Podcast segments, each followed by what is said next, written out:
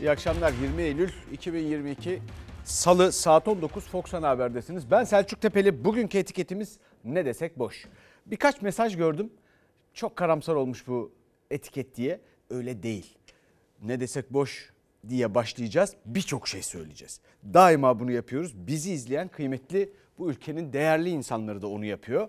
Onlar olaylara farklı açılardan bakmak isterler.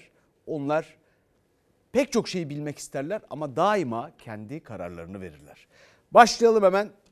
Mesela o kararlardan bir tanesi bu olacak. Mesela kim Cumhurbaşkanı adayı olacak? Millet İttifakı'nda altılı masada ya da işte muhalefette neyse işte herkes aralarında konuşuyor. Bakın şimdi arkama aldım e, altılı masanın liderlerini.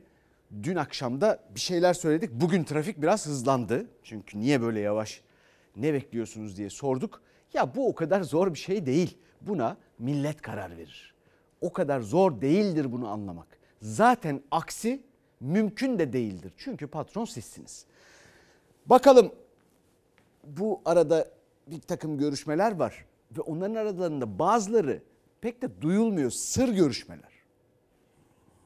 Her parti seçmeni kendi liderini Cumhurbaşkanı adayı olarak görmek ister tabii. Ama biz akılcı davranıyoruz. Altı lider bir aradayız. Akılcı politikalar üreteceğiz. Hemen aday belirleyelim gitsin. Hayır öyle değil.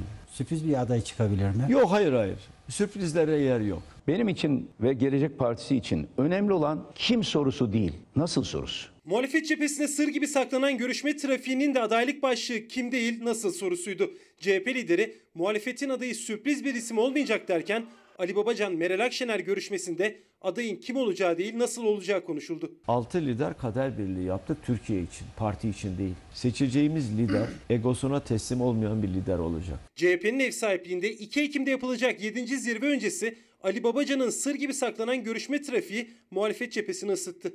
Babacan Temel Karamollaoğlu ile bir araya geldi önce ardından Demokrat Parti lideri Gültekin Uysal'la. Akşamda Meral Akşener'le buluştu ama bu görüşmeler basına bildirilmedi. Hatta adresleri de gizli tutuldu. Bir sonraki seçim için hırsı olmayan birinin olması geçiş sürecini kolaylaştırır. Babacan'ın resmi olarak duyurulmayan liderler buluşmasında geçiş süreci konuşuldu. Hayata geçirilecek anayasal yasal reformlar, seçim güvenliği, söylem birliği. Seçmende gecikiyoruz hissi uyandırmamak için sürecin hızlı yönetilmesi. Muhalefet cephesinde görüşme trafiği devam ederken Ali Babacan Davutoğlu ile de bir araya gelecek. Bir gün sonra Davutoğlu da Akşener'le. Yılbaşından önce aday o ismi zikredilmez ama altyapısı kurulur. Bugün ana muhalefet liderisiniz, yarın bu ülkenin başındasınız. Bugün bu ülkenin başında olan insan, yarın bu ülkenin muhalefeti olacak. İsmi olası adaylar arasında geçen İstanbul Büyükşehir Belediye Başkanı Ekrem İmamoğlu'nun CHP liderine yönelik bu sözleri dikkat çekti. Kılıçdaroğlu da iktidar mesajlarını Elazığ'dan verdi. Cumhurbaşkanı ise Amerikan televizyonuna konuştu. Öyle kavga mavga bunların hepsi fasafiso. Atıyorlar palavrayı.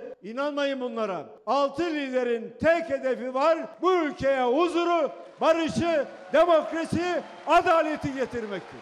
Biz şu anda seçimleri kazanmanın We have no concerns about winning the elections. Çünkü alternatif yok. Ben meydanların dilini iyi bilirim. Şu anda yaptığım toplu açılışlarda, meydan mitinglerinde eğer 10 binleri meydanlara toplayabiliyorsam bu halkımın bize olan teveccühünü göstermektedir. Ben bir AK Partiliydim, fanatiktim. Size sosyal medyada çok hakaretleri yaptım.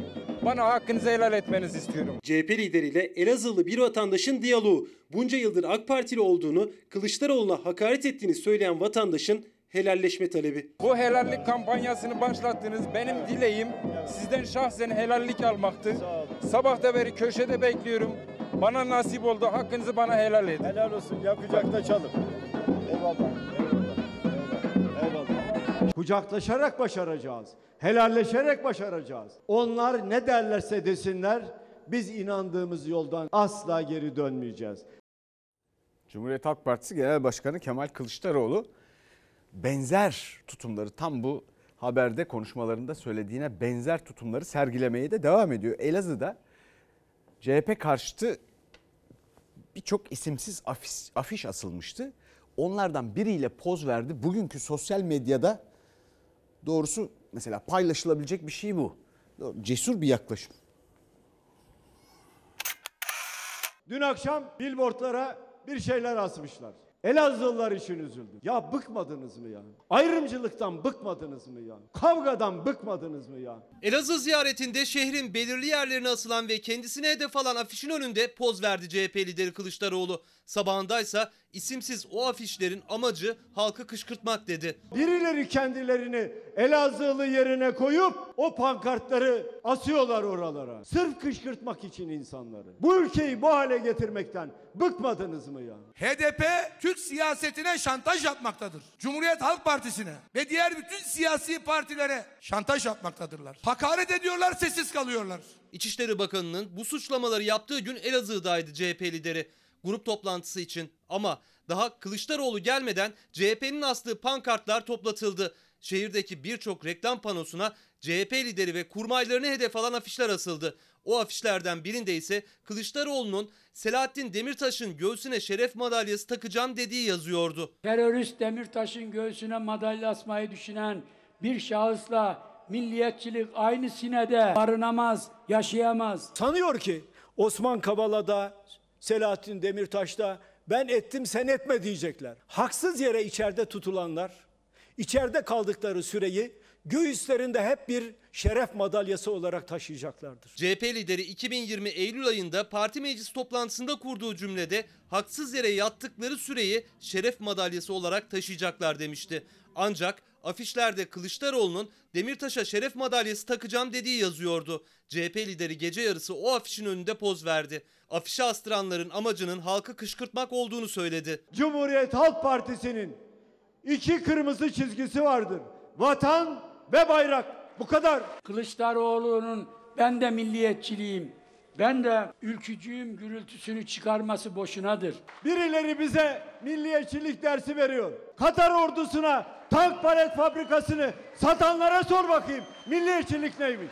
Bize milliyetçilik dersi verenler Kıbrıs'ın beş parmak dağlarına baksınlar. Orada Bülent Ecevit'i görecekler. Akdeniz'in dalgalarına baksınlar. Orada Bülent Ecevit'i görecekler. Rahmetli Erbakan'ı görecekler. Aha da yanımda Koray Aydın duruyor. Milliyetçiliğinden şüpheniz var mı? Bu can bu bedende durdukça bu netlikte bir şey söyleyeyim.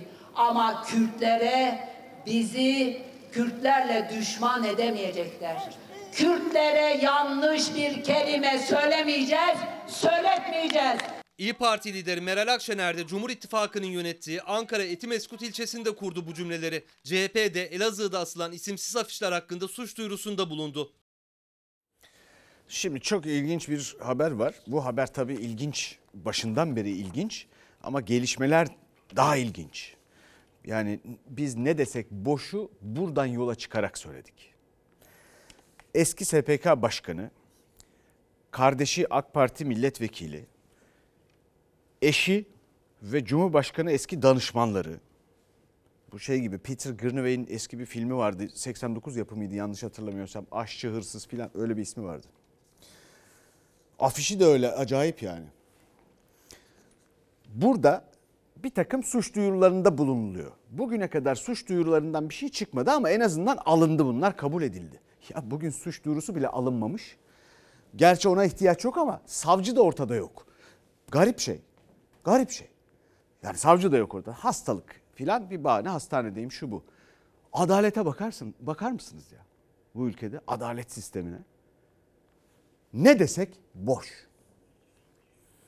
Taşkesenlioğlu hakkında, abisi hakkında ve Cumhurbaşkanımızın danışmanları hakkında suç duyurusunda bulunmak üzere geldik. Katip Bey geliyor. Yok savcımız hastanede, yok savcımız gelmedi, yok biraz daha bekleyin, yok gün içerisinde. Suç duyurusunu teslim almamak için hastayım diye adliyeden savcı kaçıyorsa bu ülkede adliye, yargı maalesef çürümüştür. Eski SPK Başkanı Ali Fuat Taşkesenlioğlu, kardeşi AK Parti Milletvekili Zehra Taşkesenlioğlu ve Cumhurbaşkanlığı danışmanlarının da adının geçtiği rüşvet iddialarıyla ilgili suç duyurularına savcılar neden sessiz kalıyor tartışması sürerken İyi Parti Erzurum İl Teşkilatı'nın suç duyurusu savcı yok denilerek kabul edilmedi. Biz suç duyurusunu yaptığımız için bize bir sayı verin. Hayır onu da veremiyoruz. Yaklaşık bir buçuk saattir adliye binasındayız. Şu ana kadar bizim suç duyurusu dilekçemiz kabul edilmedi. Birileri ülkemizin adalet sistemini suç çetelerinin kirli oyunlarına kurban etmek için uğraşıyor. Cumhurbaşkanı Erdoğan rüşvet iddiaları üzerine adalet sistemini kirli oyuna kurban etmeyeceğiz demişti. İki danışmanı koltuğunu bıraktı ama gözler savcılıklarda. Rüşvet, yolsuzluk iddiaları için siyasi partilerin peş peşe yaptıkları suç duyurularının üzerinden de 22 gün geçti. Henüz soruşturma başlatılmadı. Eski SPK Başkanı Ali Fuat Taşkesenlioğlu, kardeşi AK Parti Milletvekili Zehra Taşkesenlioğlu da sessiz. Ama savcılar Sermaye Piyasası Kurulu'nun şikayeti üzerine, müştekinin üzerine gidiyor. Aynı savcılar sermaye piyasasında dönen yolsuzluklarla ilgili Taşkesenlioğlu ailesiyle ilgili suç duyurusunu almaktan korkuyorlar. Muhalefet SPK'nın suç duyurusu için soruşturma başlatılırken siyasi partilerin suç duyuruları neden işleme alınmıyor sorusunu sorarken yeni günde bir suç duyurusunu da Demokrat Parti Genel Başkan Yardımcısı Cemal Enginyurt yaptı. Bir gün önce İyi Parti Erzurum İl Teşkilatı'nın suç duyurusuysa savcı yok denilerek alınmadı. Türkiye'de hukuk ayaklar altına alınmıştır. Adaletin bittiği yerdeyiz. Erzurum'da Zafer Partisi'nin astığı 180 milyon dolar nerede çaldıklarınızın hesabını vereceksiniz pankartları da polis tarafından toplanmıştı. Bir suç duyurusunun savcı yok denilerek kabul edilmemesi de hukuk tarihine geçti. İyi Parti Erzurum İl Teşkilatı savcı yok denilerek alınmayan suç duyurusu için HSK'ya başvurmaya hazırlanıyor. Savcılar görevi ihmal ediyorlar diyerek. Ya yani bu memlekette iki grup hesap vermez. Ve bizim sorunumuz bir çeşit orta demokrasiye hapsolmamızın bu ülkenin insanların huzursuz bir hayatın içinde yaşamaya alıştırılmasının orta demokrasiden de, geri doğru gidiyoruz ya. Aslında sorumlusu, sorumlusu olan durum bu iki grubun hesap vermemesidir. Biri siyasetçiler hesap vermez. E, patron sizsiniz, soracaksınız. En azından seçimde soracaksınız. Bir diğer grupta siyasilerin yaptığı jestle madem biz hesap vermiyoruz aman kimse de sormasın diye adalet kadroları, yargı hesap vermez. Bir de tarım bakanları bu ülkede hesap vermez ama ona sonra geleceğiz. Onunla ilgili haber var. O başka bir hikaye. Yani şimdi bir küçük alıntı yapmak istiyorum. Bakın bu ülkede bu işler nasıl düzelir? Bu bu nedir ya? Ya savcı yok. Bulamıyorsun yani. Bu nasıl bir devlet? Ya bu de, bir devlet için o devletin içinde yer alan insanlar ve yetkililer ve adaleti sağlayanlar ve onların üstleri, çevreleri, amirleri neyse işte. Bu devlete hakarettir bu durum ya. Yani daha ne desek boş da olacak iş değil. Bu şikayeti de almıyor. Muhatap yok. Buradan nasıl çıkacağız? Efendim hep böyle işte batıdan örnek verilir. Ee, Türkiye'de aydınlar bunu yapar filan. Ve bu önemlidir de çünkü dünyanın hukukla ilgili batının önemli tecrübeleri vardır. Fakat bizde de var. Bu aynı zamanda sadece bu devlete değil bu devletin tarihine de hakaret. Efendim adalet ve insancılık kültürü Türkiye'nin öncü rol üstlenmesi gereken bir konudur diyor. Orta Demokrasi Sorunu adlı kitabı yazan Mehmet Ün. İlginç bir kitap bu. Bu kolay olmaz ama bunu başarabilmek için Mevlana, Yunus Emre, Şeyh Edebali'nin öğretilerini Mevlana'nın eriştiği ulusal ve etnik sınırları kaldıran çeşitlilik ve hoşgörüye bağlı adalet, hümanizm çerçevesinde sentezlemek yeter ama onlar okumuyor ki. Bir şey okudukları yok. Ve soru korkusu var. Yani o da o bir takım suç duyuruları alınıyor. Onlar da bir yere varmıyor ama. Ya bu suç duyurusu ne oldu diye sorulacak diye de korkuyorlar. Soru korkusu sadece orada mı var? Hayır orada yok. Bakın şimdi yeni haberimize bakalım. Adalet Bakanı, burada da Adalet Bakanı, Danıştay Başkanı, Yargıtay, Cumhuriyet, Cumhuriyet Başsavcısının katıldığı hukuk, adalet bunların konuşulduğu bir toplantı. Burada Yeşim Karacaoğlu şu şaşkın ifadeyle bakan Ankara'dan arkadaşımız Fox'tan, Fox Ankara'dan ve Berkcan Tuğ arkadaşımız bir gazeteci olarak soru soracak. Bu beyefendi de şu şunu yapan beyefendi var ya. Bir şey anlatıyor sözde. Anlattığı bir şey var mı? Yok. Çünkü diyor ki soru sormayın. Bir soru korkusu var. bir izleyin. Ondan sonra siz de der misiniz, demez misiniz bakalım ne desek boş diye karar verin. Bu şekilde özetleyebilirim. Bir, Yargıtay'daki dairelerin farklı kararlar vermesinden sonra bu iştahatları birleştirmeye öngören iştahatı birleştirme müessesesi bireylerin haklarını Bir gazetecinin soru sormasını engellemeye çalışan yani sansür uygulayan Fox Haber ekibine zaten sizi salona almayacaktım diyebilen kişi Adalet Bakanı Bekir Bozdağ'ın basın danışmanı Bilal Çetin'di. birleştirmeye öngören iştahatı birleştirme müessesesi bireylerin haklarının korunması bakımından etkili bir yöntem değildir. Her şey İnfaz hesaplanmasının gözden geçirilmesi gerekliliğini Sayın Adalet Bakanımıza bugün anlatacağım. MHP Genel Başkan Yardımcısı Fethi Yıldız'ın bu açıklaması Adalet Bakanı Bekir Bozdağ'la bir genel af görüşmesi yapacağı şeklinde yorumlandı. Adalet Bakanı da o dakikalarda 6. yılında istinaf değerlendirme toplantısındaydı. Tüm yüksek mahkeme başkanları ile birlikte Fox Haber'de aileleriyle on binlerce kişiyi ilgilendiren genel af çalışması olduğuna ilişkin iddiayı Adalet Bakanı'na sormak için o toplantının yapıldığı salondaydı. Ülkede iştahat birliğini sağlama ihtiyaçına bağlı olarak bütünsel bir bakış açısıyla yapısal reformlara devam şu şekilde özetleyebilirim. Bir, Yargıtay'daki dairelerin farklı kararlar vermesinden sonra Tam da Danıştay Başkanı kürsüdeyken Adalet Bakanı Bekir Bozdağ'ın danışmanı Bilal Çetin önce bakanın yanına gitti ardından Fox Haber muhabirinin hukukun üstünlüğünün konuşulduğu salonda soru sorulmasını engellemeye çalıştı. Yani sansür uygulamak istedi. Tüm televizyon ve gazetelere açık bir toplantıyı Fox Haber'e yasaklamak istediğini itiraf etti. birleştirmeye öngören iştahatı birleştirme müessesesi bireylerin haklarının korunması bakımından etkili bir yöntem değildir. Her şeyden önce iştahat farklılıklarının iki yıldan fazla devam etmesi Avrupa İnsan Hakları Mahkemesi iştahatlarına göre adil yargılanma hakkının ihlaline neden olabilmektedir. Bir gazetecinin en temel görevi olan soru sorma hakkını engellemeye çalışan danışman bakanı gazetecilerin bulunduğu kapıdan değil bir başka kapıdan çıkartarak soru sorulmasının önüne geçti. Bu arada da farkındaysanız arkada bir takım konuşmalar var. Öyle adaletle ilgili filan konuşmalar yapılıyor. Konuşmalar yapılıyor. Ne anlatıyorlar acaba? Yani bu olurken o salonda orada ne anlatıyorlar yani? Hem nereden kim kim bu bu, bu beyefendi kimdir ya? Bir gazeteciye soru sormayın diyor ya. Bu hakkı, bu cüreti kendinde nasıl buluyor? Buna nasıl izin verilebilir? Ya bu toplantı komple şunun için hükümsüzdür, bitmiştir yani.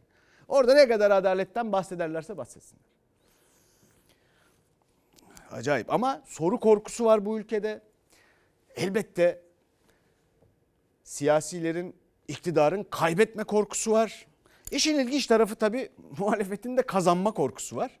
Bütün bunların arasında biz garip seçmenlerin de bir gelecek korkusu var. Eh, efendim geldik şimdi Tarım Bakanı'na.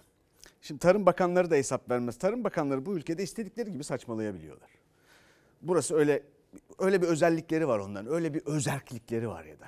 İstedikleri gibi bir şeyler söylüyorlar filan. Şimdi mesela işte yeni Tarım Bakanımızın Vahit Kirişçi'nin, Tarım ve Orman Bakanı'nın söylediğine kulak verelim. Ahiret üzerinden nasıl siyaset yapılırmış görelim. 2023 gerçekten son derece kritik. Bu seçimi hepimiz bir şekilde öbür dünyaya gideceğiz. Ama gittiğimizde orada bize soracaklar. Öbür dünyada bir hesap sorulacak. O hesapta şu olacak. Bu devleti nasıl soydunuz? Yetim hakkını nasıl yediniz? Hiçbir vicdanınız sızlamadı. Kirişçi efendi doğru diyorsun. Bu seçimler çok önemli. Ve öbür tarafta soracaklar. Batırdığınız çiftçiyi, yok ettiğiniz esnafı, işsizleri, soygunu, vurgunu, talanı, Siyasetin sıcak seçim gündemi Tarım ve Orman Bakanı Vahit Kirişçi'nin öbür dünya hatırlatmalı çıkışıyla alevlendi. Seçimlerin hepsi kritikti ama bu seçim çok daha önemli diyerek başladığı cümlenin devamında ahirete getirdi sözü. Orada bize soracaklar dedi. Söyledikleriyle şimşekleri üzerine çekti Kirişçi. Muhalefetten dini siyasete alet ediyor tepkileri yükseldi. Bakan Kirişçi bu seçim çok önemli öbür dünyaya gittiğimizde soracaklar demiş. Bu seçimi bilmem ama iki seçim arası icraattayken yaptıklarınızı sorarlar. Yıllardır bıkmadan, usanmadan milletimizin dini duygularını sömürmek bir AK Parti klasiği. Gittiğimizde orada bize soracaklar. Bu milletin değil, tüm mazlum milletlerin selameti adına atmanız gereken hangi adımları attınız? Hamdolsun bunun verilecek cevabı var. İneklerini kestirmek zorunda kalan çiftçi kendisinden hesap sormayacak mı? Gönül koyduğunuz, kızdığınız, darıldığınız milletvekili olabilir, il başkanı olabilir, belediye başkanı olabilir. Ama biz bunlardan ari kendimiz için değil, mazlum milletlerin istikbali ve onların istiklalidir diyeceğiz. Sayın Kirişçi, öbür tarafta yediğiniz kul haklarını fitil fitil burnunuzdan getirecek hesap soracaklar. Ama şunu unutmayın, öbür tarafa gitmeden dev sabık yaratarak Millet İttifakı sizden hesap soracak. Vatandaşın 2023 seçimlerinde oy tercihi Bakan Kiriççi'nin tartışma yaratan sözleriyle ahirette hesap gününe kadar uzandı. Daha önce Victor Hugo'dan bahsetmiştim. Biliyorsunuz 18. yüzyılda Aziz Antonio Bono'ları filan. Bizde onun karşılığı cennetten arsa satma hikayesidir. O günler yakın. Göreceğiz bunu. Ama patron sizsiniz. Bakın bu, bu sözlere de kulak verirseniz, kanarsanız ne desek boş. Ben Tarım Bakanı'nı Allah'a havale etmekten başka çare bulamıyorum. Ve bu dünyada günlük hayatımızda bu ekonomik sıkıntılar içinde halledilemeyen tarımdaki birçok sorunla beraber ki bakın orada dediler ki çiftçi, hayvancı hayvanlarını kesiyor. Onlar da hesap soracak. O habere de geleceğiz ama nasıl vergi alınıyor? Bu vergilerle nasıl çözüm üretilemiyor? Üretilemedikten sonra da laf nasıl dolandırılıyor böyle? Efendim seçimlerle e, işte ne bileyim oyla işte ahiret yan yana getirilerek cümleler kuruluyor filan. Ama bu tarafa bakalım. Dilim dilim insanlar nasıl soyuluyor?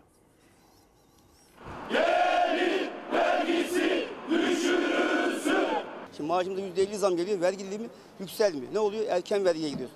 Dünyada işçilerin gelirlerinin yıl içerisinde azaldığı başka bir ülke var mı? Gelir vergisi oranı ücretlilerde yüzde ona düşürülsün. Ekonomik kriz sona erene kadar, enflasyon makul bir noktaya inene kadar bütün ücretlilerin, çalışanların vergi dilimlerini yüzde onla sınırlandıralım. Hak işten sonra diskte gelir vergisi %10'la sınırlandırılsın çağrısında bulundu. Çünkü çalışanlar ne kadar zam alırsa alsın o kadar erken vergi dilimine giriyor. Zaten enflasyonla yarışamayan gelir vergi yüküyle daha da eriyor. O yüzden vergi dilimleri güncellensin istiyor sendikalar ve çalışanlar. Asgari ücret artışı kadar artırılsaydı vergi dilimleri ilk vergi dilimi bugün 32 bin lira değil 110 bin lira olacaktı. Sene başından itibaren alınan brüt maaş 32 bin liraya ulaşınca bir üst vergi dilimine geçiyor çalışanlar. Oysa vergi dilimleri asgari ücret artışına göre güncellenseydi 110 bin lira olacaktı ilk sınır. Yani çok daha geç bir üst dilime geçilecekti. Maaşlar artıyor ama vergi dilimleri aynı oranda güncellenmiyor. Bu da çalışanlardan aydan aya daha çok vergi kesilmesine, maaşların düşmesine neden oluyor.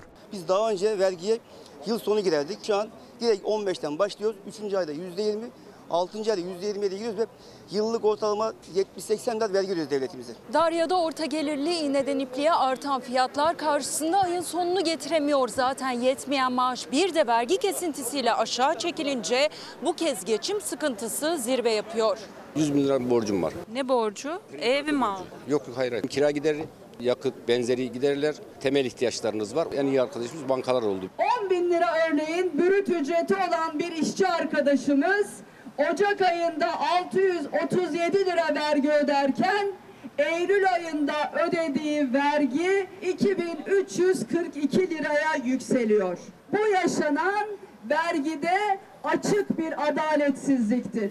Bu yaşanan açık bir soygundur. Disk vergide adalet çağrısını İstanbul Vergi Dairesi Başkanlığı önünden yaptı. Çünkü enflasyona biraz olsun çare diye yapılan ara zamları hissedemedi çalışanlar. Ara zamla gelen vergiyle gitti. Dilimlerin güncellenmesini, gelir vergisinin %10'la sınırlı tutulmasını istediler. Gelir vergisi oranı ücretlilerde yüzde ona düşürülsün. Vergi tarife dilimleri en az enflasyon ya da asgari ücret ya da yeniden değerlenme oranı kadar artırılsın. Haber merkezimizden Melia Hoş Değirmenci de burada dertli dertli dinliyor. Fakat burada takipte haberi fakat burada ilginç bir tablo var. Hakiş ve Disk aynı şeyi söylüyor farkında mısınız? Çalışan, emekli, emekçi, işçi safları sıklaştırıyor. Tarım Bakanı'nın açtığı yoldan konuşursak safları sıklaştırıyor. Ama bu arada yani ne desek boş diyeceğimiz bir haber daha geliyor hemen arkadan. Şimdi Sağlık Bakanlığı'nın tek onkoloji hastanesi. Yani Türkiye'nin tek onkoloji hastanesi demek. Kanser tedavisi için. Bunu kapatıyorlar. Yani aslında şimdi sorsanız taşınma filan bir şeyler diyecekler ama niye kapatılması ifadesini kullanıyorum. Şimdi göreceksiniz bunu. Türkiye'nin en büyük kanser tedavisi merkezi bakın nasıl kapatılıyor. Ankara Onkoloji Hastanesi Sağlık Bakanlığı'nın tek onkoloji hastanesi. Muhtemelen gecikmeler var ama yılbaşına kadar taşınılacağını e, düşünüyorum. Yani idarecilerin bize yansıtmaları o şekilde. Bizim için de bilinmez. Çok zor ama bizim için. Yani ben zaten bacaklardan yürüyemiyorum. Çünkü bunlar şeyin kemoterapinin etkileri. Kolesterolüm yüksek. Burası kapanırsa? Çok zor. Yani hasta için çok zor, doktor için çok zor. Türkiye'nin Sağlık Bakanlığı'na bağlı tek onkoloji hastanesi Ankara Onkoloji kapanıyor. Etlikşehir Hastanesi'ne taşınıyor. Ama hastanede 36 yıldır çalışan Doktor Bektaş Kaya'nın aklında soru işaretleri var. Tüm onkoloji birimlerinin iç içe çalıştığı, alanında uzman hekimler yetiştiren, kanser hastalarına kolay tedavi imkanı sunan 60 yıllık birikim de Etlikşehir Hastanesi binasına taşınabilecek mi? Kanser hastasının tedavisi birçok şeyi bir arada gerektiriyor. Bir defa onkolojik cerrahi, radyasyon onkolojisini, medikal onkolojiyi bütün bunları e, barındıracak. Bu konuda tecrübesi olan e, uzmanların çalıştığı bir ortam olacak. Artı dahiliye kliniği, patoloji kliniğinin olması lazım. Türkiye'nin en kapsamlı Ankara Onkoloji Hastanesi, ihtisas merkezi aynı zamanda. Alanında uzman onkologlar yetiştirdiği gibi Türkiye'nin her yerinden gelen binlerce hasta tedavi ediliyor hastanede. Yılda 10 bin ameliyat yapılıyor. Tedavi süreci zorlu geçen kanser hastaları için dahiliye, kalp, göz, diş gibi kolay ulaşabilecekleri birimlerin tamamı var. Etlik Şehir Hastanesi'nde nasıl olacak soru işareti. Ankara Onkoloji'nin şehir hastanesine taşınmasıyla bazı doktorların görevden ayrılacağı endişesi de var hastalarda. Doktorlarımızın orada bazılarının olmayacağını duydum. Zaten zor bir tedavi sürecinden geçen kanser hastaları için hastaneye, gerekli birimlere kolay ulaşmak ve hep aynı doktorun takibinde olmak çok önemli. Doktorlar için de farklı uzmanlık alanları gerektiren hastalar için diğer doktorlarla kolay bir araya gelebilmek önemli. İşte bu sistem Ankara Onkoloji Hastanesi'nde 60 yıldır iyi bir şekilde yürüyordu. Kanser hastaları konusunda diğer branşların bir arada işte tümör konseylerinde buluşması, hasta tartışmaları çok kolay oluyordu. Yani hastalar ı, sıkıntı yaşamıyordu. Taşra'dan gelen bir hasta sabah gelir akşama kadar kontrolünü yaptırmış olarak memleketine döner. Sadece hastalar için değil alanında uzman onkologlar yetiştiren Bektaş Kaya çok büyük binalarda ve farklı birimlerin dağınık olarak yer alacağı Etlik Şehir Hastanesi'ne taşınınca eğitim sisteminin bozulmasından da endişeli. Onkolojiyle uğraşan bir cerrah eğer radyasyon onkolojisini ya da tıbbi onkolojinin neler yaptığını bilmiyorsa, görmüyorsa bir tarafı eksik yetişiyor demektir. O nedenle Bizim hastanemiz bütün bu kliniklerin bir arada bulunduğu, iç içe e, birlikte çalıştığı, Türkiye'de birçok üniversite hastanesinin bile bunu sağlayamadığını biliyorum. Ankara Onkoloji Hastanesi'nde kanser hastalarının sosyal hayatı için de destek birimleri var. Hastane içinde kanser hastalarının tedavi gördükleri süre boyunca çocuklarını bırakabilecekleri bakım evi olduğu gibi yürüme mesafesi uzaklıkta Yeni Mahalle Belediyesi'nin ücretsiz konuk evi bulunuyor. Tüm bu imkanlar Etlik Şehir Hastanesi'nde olacak mı o da belirsiz. Bir kıymetli izleyicimiz adliyede hakim savcı yok. Hastanede doktor yok ne desek boş yazmış. Biz de Ankara'ya gideceğiz. Fox Haber Ankara'dan Beril Ötkan bizimle birlikte olacak ve bu hastanenin niye artık devam etmeyeceğini, niye kapatıldığını anlamaya çalışacağız. Neden yani ihtisasa karşılar adeta. Yani yerleşik şeylere böyle alınan kararlarla yerleşik bu ülkede yerleşik iş yapan her şeye neredeyse karşı gibiler. Şehir hastanelerini doldurmak için ki onlar uzak, devasa ve ihtisas yok. Mesela kanser meselesi mühim bir mesele. Başka hastalarla yan yana gelmeyeceksin falan filan. E ve çok tecrübeli bir hastane var burada. Niye yaparlar bunu? Şehir hastanelerini doldurmak için. Şehir hastaneleri bir takım ihalelerle verildi. Beril Ötkan bizimle. Beril bu, niye böyle bir durum var ve buradan dönüş var mı?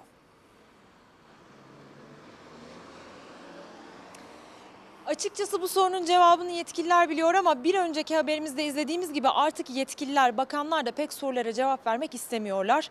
Bu sorunun cevabını biz de bilmiyoruz. Şimdi e, tabii diyecekler ki Etlik Şehir Hastanesi çok daha güzel bir bina, bütün e, hastanelerin birleşimi, her şey çok daha iyi olacak, son teknoloji olacak. Biz bunu Bilkent Şehir Hastanesi'nden ve diğer şehir hastanelerinden bu cevapları aslında biliyoruz, tecrübe ettik. Ama Ankara Onkoloji Hastanesi neden ısrarla taşınıyor? Bundan geri dönüş var mı? Umuyoruz.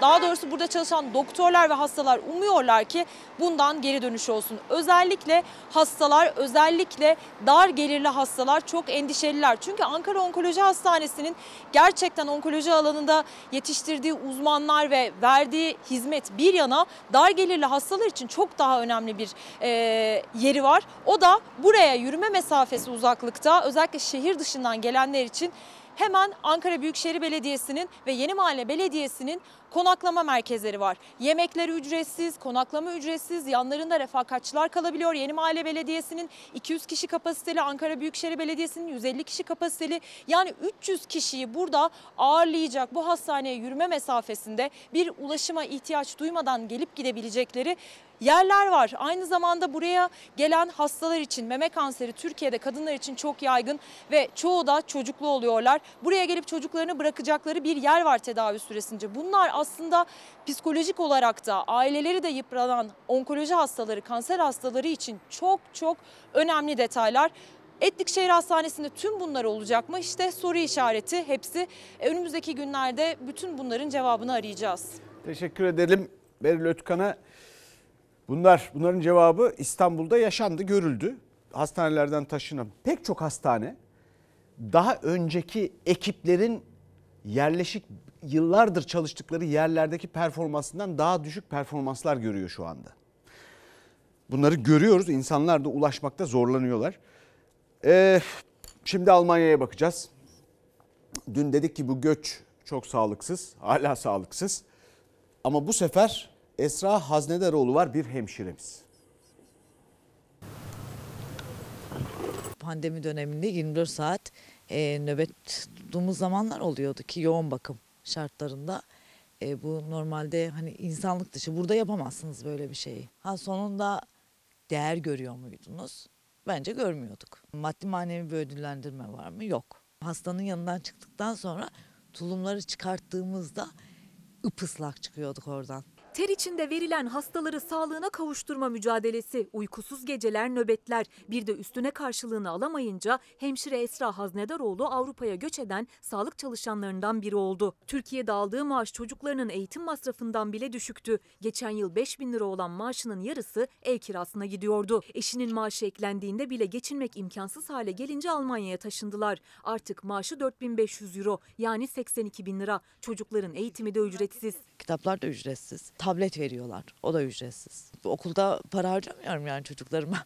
Esra Haznedaroğlu Avrupa'ya göç eden sağlık çalışanlarından biri. Onu Almanya'ya getirense Türkiye'deki ağır çalışma koşulları ve çocuklarının eğitimi oldu. Türkiye'de çalıştığı dönemde İstanbul'da bir apartman dairesinde yaşıyor, kirada oturuyordu ve 19 yıllık emeğinin sonunda ne bir ev ne de bir araba sahibi olabildi ancak Almanya'da sadece 7 aylık kazancıyla hem güzel bir evde kirada oturuyor hem de lüks bir araba sahibi oldu. Araba e, sahibi olmak zaten çok kolaymış. 200 euro taksitlerle araba alıyor biliyorsunuz. Kiranız ne kadar? 1000 euro. Elektrik, su, telefon, internet. Ha 1100 euro işte. Türkiye'deki kazancımla buradaki kazancımı birim üzerinden kıyaslıyorum. Burada alım gücüm çok daha fazla. Ay sonu nasıl getireceğimizin derdi yok. Para biriktirmiş olabiliyoruz yani. İstanbul'da bir devlet hastanesinde yeni doğan yoğun bakım hemşiresiydi Esra Haznedaroğlu. 7 ay önce gidiş biletini aldı. Ailesiyle birlikte Almanya'nın Ham kentine taşındı. Çocuklarımın eğitimine bu kadar e, para harcamak beni çok yoruyordu. Bizden götürüyordu. Dedim ki yani yeter. Benim tamam ya gidiyorum dediğim nokta eğitime ödediğim paraydı yani. Esra Haznedaroğlu evde yoğun bakım hemşireliği yapıyor şimdi. Almanya'da daha iyi bir gelirle daha iyi çalışma koşullarında hayatını sürdürüyor. 12 saat çalışıyorsanız 12 saat dinlenmek zorundasınız. En güzel tarafı görev tanımım belli. Bunun dışına çıkmıyorum. Sistem zaten buna müsaade etmiyor. Gerçekten çok iyi hemşireler yetişiyor bizim ülkemizde. Hak ettiklerini alsalar kimse gelmez. Keşke kaybedilmese bunlar. Bu ülke doğru dürüst yönetilse burada da bu insanları hem tutmak mümkün olur hem daha iyi oluruz. Buna bakın patron sizsiniz. Talep edin bunu. Üniversiteye bakalım şimdi. Bütün bu sorunlar nereden itibaren başlıyor? Bir ölçüde de onu görelim. Üniversiteli karnını doyuramıyor. Yemekhaneye de çok fazla zam geldi. Bu kadar e, pahalı ücretlerle bir öğrencinin 3 öğünü geçirmesi gerçekten çok zor. Bazen aksamak durumunda kalıyoruz. Minimum 50 lirayı 40 lirayı gözden çıkarmanız lazım düzgün bir öğün yiyebilmek için. Çoğu öğrencinin de buna bütçesi yok maalesef. Yurtlarına gitmeye çalışıyorlar. İstanbul'da ulaşım da biliyorsunuz zor. Ya da aç geçiriyorlar. Başka bir seçenekleri olmuyor genelde. Benim bulunduğum üniversite özel bir üniversite. Yemekler pahalı. Reddedemiyorum bunu tamam ama normalden de pahalı. Benim çoğu arkadaşım özellikle burslu arkadaşlarım bir tane bisküvi yiyor. Bir tane çay su bir şey içiyor öğün geçiştiriyor. İyi Parti lideri Meral Akşener'e de dert yanan gençler gibi aslında çoğu üniversite öğrencisi mecburen öğün atlıyor. Özel ya da devlet fark etmiyor. Üniversiteliler karınlarını doyurmakta zorlanıyor. Sürekli olan bir şey artık hani tamam eğitimle bir savaştır da neden cephe koşullarında okuyoruz? Fethiye'den geldim. Babam emekli, annem ev hanımı. Abim de üniversite okuyor. Babam bize harçlık veriyor. Mesela bana 200 lira geldi ancak İstanbul Üniversitesi İktisat Bölümü öğrencisi Mert Remzi Eker, ailesinin bir ay boyunca geçinmesi için yolladığı 200 liraya bile ailesinin durumunu bildiği için şükürler olsun diyerek gıda masraflarını karşılamaya çalışıyor. ailem şükürler olsun ki bana e, belli para veriyor ama eğer ver yani vermeyeceklerse de ben bunu normal karşılarım sonuçta. Şu anki ekonomik durum ülkemizde malum. Ondan dolayı okulda bir şey yemedim mesela. Yiyemeyip, yemeyip de gideceğim öyle söyleyeyim. Bir de okul kantinine baktım. Pizza tost 12,5 liraydı. Hani bu biraz bana pahalı geldi açıkçası. Biraz hani dikkatli harcamaya çalışırım paramı. Üniversite öğrencilerinin birçoğu yüksek yemek ücretlerini karşılayamadıkları için yemek yiyemiyor. Kısıtlı öğrenci bütçesi el vermeyince mecburen öğün atlıyorlar. Koca bir günü tek öğünle geçiştiriyorlar. Sabah kahvaltısına daha az yiyeceğim. Akşam kahvaltı işte öğle yemeğini atlarım büyük ihtimalle. Yani bir tek su dışında herhalde bir şey almam öğlenliği. Biz elimizden gelenin en iyisini yapmaya çalışacağız. Yani kısmaması için özen göstereceğiz. Gönül her şey onların gönlüne göre olsun ister ama Anne babalar çocukları için ellerinden geleni yapıyor ancak yetmiyor. Öğrenciler en temel ihtiyaçları olan 3 öğün yemeği bile artık lüks olarak görüyor. 20 liraya 3-4 tane poğaça alırsam zaten tat önemli de tat bakmıyoruz. lüks olmamalı ama lüks oluyor Türkiye şartlarında. Benim okuduğum okul şu an bulunduğumuz Fatih ama bana çıkan KYK Esenyurt'ta. Yani benim sadece yemeği bıraktım ulaşım için 3 araç yapmam lazım. Yani karnımı doyurmaya gelemiyorum. Öğrenci için 1 lira bile maliyet sayılıyor zaten şu devirde. Zor durumda kalmadığım sürece dışarıda yemek yemeyeceğim. Çünkü şu anlık öyle bir lüksü kendimde görmüyorum. Dilimizde tüy bitiyor. Tarımla, hayvancılıkla ilgili sıkıntıları anlatmaya çalışırken. Ama bu arada bir yandan da süt bitiyor. Çünkü ne desek boş anlamıyorlar. Tarım Bakanı başka şeylerden bahsediyor biliyorsunuz. Bu meseleye dair tek doğru dürüst adım yok. Bir zam yapılması lazımdı çiğ süte. Çünkü insanlar geçinemiyor. Şimdi göreceksiniz. Sonra da kesiliyor hayvanlar. Ondan sonra da süte zam gelecek çok daha fazla ve geri dönüşü olmayacak. Yıllarca telafi edemeyeceğiz. Bakın sütümüz nasıl kesiliyor. Şimdi hayvanlar geçerken göreceksiniz hepsi memeli, normal anaç hayvanlar. Çok net söylemiştiniz. Ben hayvanlarımı kesime götüreceğim diye. Bir yandan da çok üzgün olduğunuzu görüyorum aslında. Yani e, böyle bir hayvan kolay yetişmiyor. Emek sarf ediyoruz ve bunlar bizim gözdelerimiz. Yani bu hayvanların tıra yüklenirken görmek yani son derece hem üzücü hem vicdanen de ve boş yere, gereksiz yere bir inat uğruna, bilgisizlik uğruna yapılıyor. Emek verdiği, sütünü aldığı ineklerini kesime götürmek zorunda kaldı. 150 ineğini yani süt üretimindeki hayvan varlığının %10'unu tıra yükledi. Bursa'daki kesimhanenin yolunu tuttu. Süt üreticisi aynı zamanda da sektör temsilcisi olan Tüm Süt, Et ve Damızlık Sığır Yetiştiricileri Derneği TÜSEDAD'ın başkanı Sencer Solakoğlu aylardır uyarıyordu. Sonunda kendi de ağır maliyetlere direnemedi. Bir üreticinin belki de en son isteyeceği şey süt veren ineklerinin kesime gidiyor olması ama artan maliyetler, çiğ süte gelmeyen zamlın sonucu aslında birçok çiftlikte aynı manzaralar yaşanıyor. Burada da inekler tırlara yüklendi, kesime götürülüyor. İnsanın içi acıyor. Yani sonuç olarak mecbur değildik biz kesim yapmaya. Memelerinden süt akarak, akarak gelecekler. E, tabii yani diyecek bir şey yok. Sözün bittiği yer. Bu inekler için belki de bu saatler sağım saatleri olacaktı ama şu an kesim için bekliyorlar. Üstelik fiyat artışı şu anla da sınırlı kalmayacak. Çünkü kesilen bir ineğin yerine konması tam iki buçuk sene sürüyor. Yani çiğ süte zam olmaması sorunu çözmediği gibi sorunu daha da derinleştirecek. Süt üreticisinin maliyeti her geçen gün artıyor. Özellikle yem, yemde kullanılan arpa, buğday, mısır gibi ürünlerin fiyatı katlandı. Enerji ve işçilik maliyetleri de arttı. Üretici 1 litre süt satıp 1 kilo yem alamaz hale geldi. Ulusal Süt Konseyi ise çiğ süte zam için acil toplandı. Ama o toplantıdan çiğ süte zam çıkmadı. Üretici daha da mağdur oldu. Çiftlik sahipleri ve firmalar e, hayvan sayılarının %50 düşeceklerini söylediler ve aramaya başladılar. Sadece Sencer Solakoğlu değil diğer süt üreticileri de aynı çıkmazda. Çiğ süte beklenen zam da gelmeyince çaresiz kesime götürüyorlar hayvanlarını. Süt ineklerinin kesilmesi süt üretiminin azalması demek. Bu da zaten yüksek olan süt ürünleri fiyatlarının daha da zamlanmasına neden oluyor. Yani alınan kararlarda hem besici kaybediyor hem de tüketici. Ne yapacaklarını bilmiyorlar. E, fiyatları kontrol edemiyorlar. Üstelik bir darbe daha geldi üreticiye süt tozu ihracatına kısıtlama getirildi. Amaç iç piyasadaki fiyatları baskılamak olsa da üreticinin bir dalı daha kopmuş oldu. Bir ihracat piyasası kolay elde edilmiyor. İhracatı kapatmak, Türkiye'deki arzı arttırmak fiyatları düşürmeyecektir. Çünkü zaten fiyatlar maliyetin çok altında. Sencer Solakoğlu tüm süt üreticilerinin ortak sorusunu 150 süt ineğini kesime gönderirken bir kez daha sordu. Bir yerden sonra da şu kararı vermek zorunda kalacağız. Bu işi yapmaya devam edelim mi etmeyelim mi? Verilecek karar sonunda bu olacak.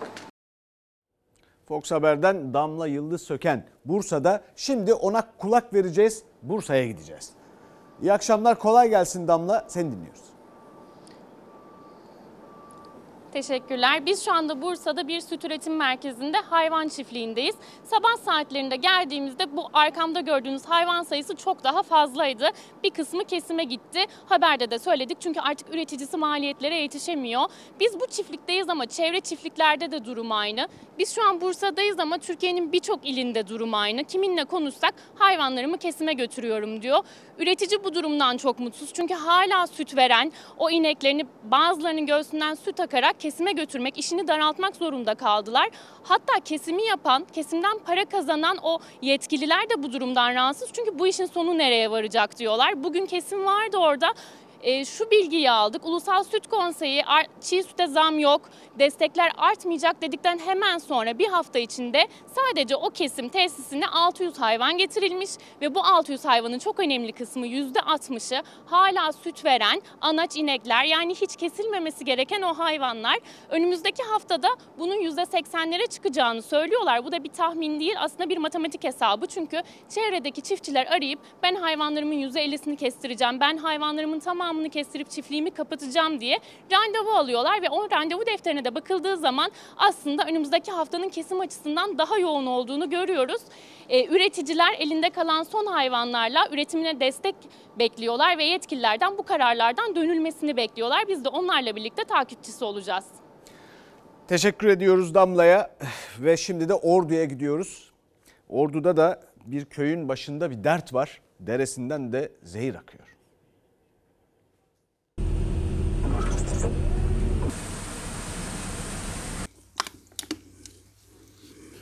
İnanılmaz kötü kokuyor bu ya. Ama vekilim siz zehirler. Çöp arıtma tesisinden sonra Çaybaşı ilçesinden geçen çayın berrak olduğu günler geride kaldı. Her biri çöplük istemiyoruz dediği için zaten davalık olan ordulular bu kez de suları için mücadele veriyor. Çöp depolama tesisi arıtması gereken suyu doğrudan kamyonlarla dereye bırakırken görüntülendi. Bizi çabuk kaldırın deyince ceza veriyorlar. 6 ay bize müsaade edin. Biz burayı güllük gülistanlık yapacağız dediler. Ne kadar geçti ondan sonra? 2 sene. İçilebilirdi önceki yıllarda. Çünkü Ordu Çaybaşı iki ırmağın su toplama havzasında kurulu yaylalarıyla ünlü bir ilçe aslında. Ama 2020 yılından bu yana çöp depolama tesisinin gelmesiyle birlikte havası da suyu da değişti. Cezalar bile kesildi suyun bu hali nedeniyle. 88.499 lira para cezası ödemeye mahkum oldu Büyükşehir Belediyesi. Ancak ne ceza caydırıcı oldu ne de halkın tepkisi. İddiaya göre ve çekilen görüntülere göre çöp suyu arıtılmadan akıtılmaya devam ediliyor doğaya. Buranın etrafı zehirlediği Türkiye Cumhuriyeti'nin kurumları tarafından da tespit edilmiş. Buna rağmen bu işler devam ediyor. Bu da enteresan. Buradan nefes almak bile mümkün değil. Bu inanılmaz kötü bir koku var. CHP Ordu Milletvekili Mustafa Adıgüzel'e ulaşan köylüler vekili alıp suyun kenarına götürdü. Sudan alınan örnek el değecek, burun yaklaştırılacak gibi değildi. İşte o su geçtiği yerdeki ağaçları kuruttu, döküldüğü yerdeki balığı yok etti. Bölgede ender kızılala balığımız var. Şimdi var mı? Şimdi balıklar yok öldü. Bizim oyumuzu geri versin çöpünü alsın. Büyükşehir Belediye Başkanı'nın yanına vardık bize söz verdi. Çöpü kaldıracağım dedi kaldırmadı bizi kandırdı. Haber merkezindeki bütün arkadaşlarıma bu özel haberleri için, içerikleri için teşekkür ederim. Bir mesaj okumak istiyorum. Bir izleyicimiz diyor ki KKM, konuta vatandaşlık, e, BESE vatandaşlık yüzlerce uygulamayla geleceğimiz satıyoruz. Ama ne desek boş demiş. Şimdi bir reklam arası. Efendim İstanbul 17. İstanbul Bienali başladı. Önemli çünkü bugünün meselelerine dair kafa açıcı pek çok cevap veriyor sanat. Sanata kulak vermek lazım. Muhakkak gidin, muhakkak bakın sorular neymiş, cevaplar neymiş. Yani öyle sorular ki mesela e, kuşlar ne düşünür? Mandanın rengi nedir? 20 Kasım'a kadar ziyaret edebilirsiniz. İstanbul'da pek çok ilçede, pek çok mekanda. Bu akşam bizden sonra kusursuz kiracı var yeni bölümüyle. Yarın görüşmek üzere. İyi akşamlar.